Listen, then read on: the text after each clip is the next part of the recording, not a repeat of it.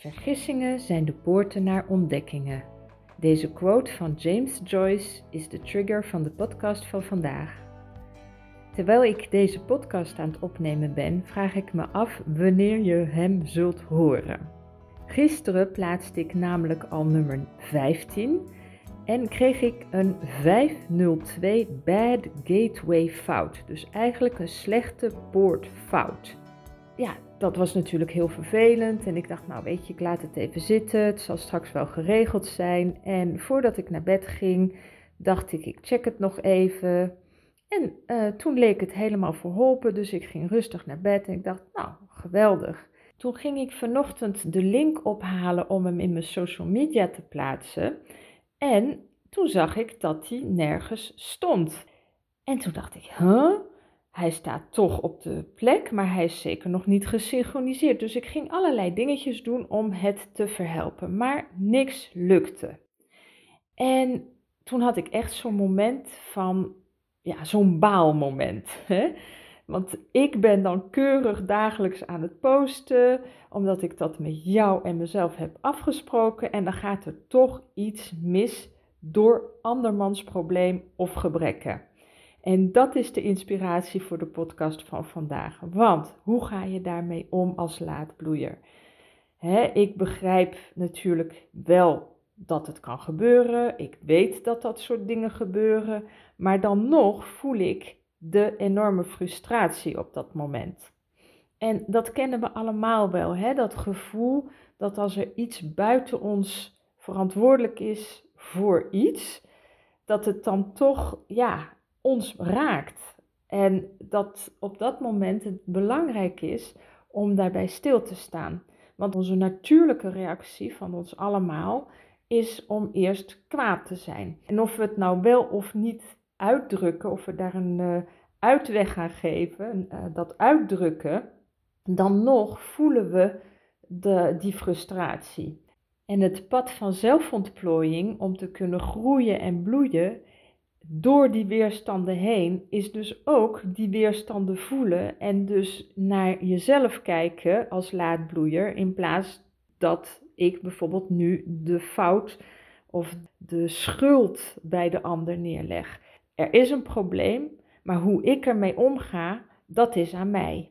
Hoe ga ik om met wat ik voel en hoe geef ik weer ruimte aan die emotie?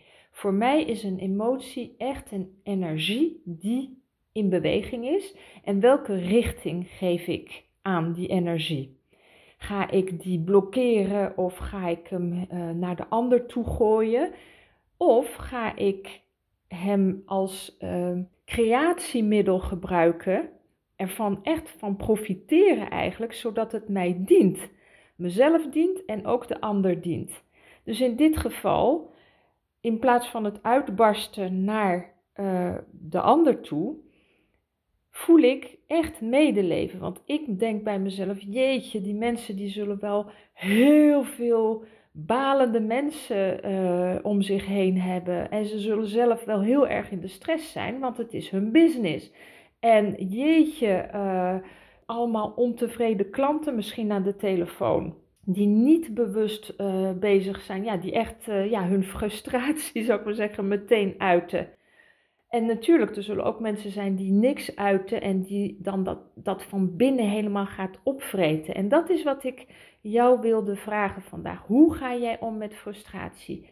Ga je het dan van binnenin helemaal laten rotten in jezelf? Of ga je dat uh, helemaal naar de ander heel kwaad, naar de buitenwereld, zodat het in ieder geval al uit je systeem is. Maar dat heeft aan beide kanten eigenlijk een heel ziekmakend effect. Als je het in jezelf houdt, dan, ja, dan ervaar je heel veel stress en negativiteit. En als je het naar buiten gooit en de ander uh, ja, toe gaat schreeuwen en zo, dan heeft dat ook een impact op je buitenwereld. Dus hoe kun je ervoor zorgen dat je dan toch dat medeleven voelt? En dat is door uh, het vertrouwen in jezelf te ontwikkelen. En misschien er ook op een creatieve manier mee om te gaan. Door te kijken naar de symboliek bijvoorbeeld. Ik vind het dan heel erg interessant om op mijn scherm 502 bad gateway error te zien staan. 502 slechte poortfout. Dan denk ik, oh, waar ben ik misschien, uh, ja, mag ik even voor de poort wachten? En wat kan ik hier over mezelf ontdekken of over de situatie ontdekken?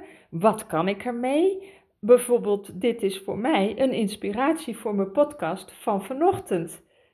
het is een inspiratiemoment, iets waar ik iets creatiefs mee kan doen. Dus stel dat jij als laadbloeier frustratie ervaart omdat de ander iets niet doet of iets zegt, of dat je niet verder kunt omdat de ander dit of dat. Ehm, ja, ga dan eens bij jezelf kijken hoe je ermee omgaat en of je daar iets in kunt gaan ontdekken. Om er een beetje op een speelsere manier mee om te gaan. Zodat jij niet zo'n zure laadbloeier wordt. En dat je echt mooi kunt gaan groeien, bloeien en jezelf ja, helemaal kunt ontplooien. En dat je zo ook een heel ander nalatenschap achterlaat. Want wie jij bent, is wat jij achterlaat. Veel meer nog dan je materiële goederen. Dus als jij uh, op die manier kunt bijdragen aan een mooiere wereld.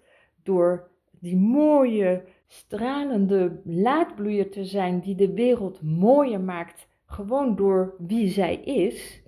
Ja, dan draag je natuurlijk bij aan een mooiere wereld, zelfs als je er straks niet meer bent. À demain!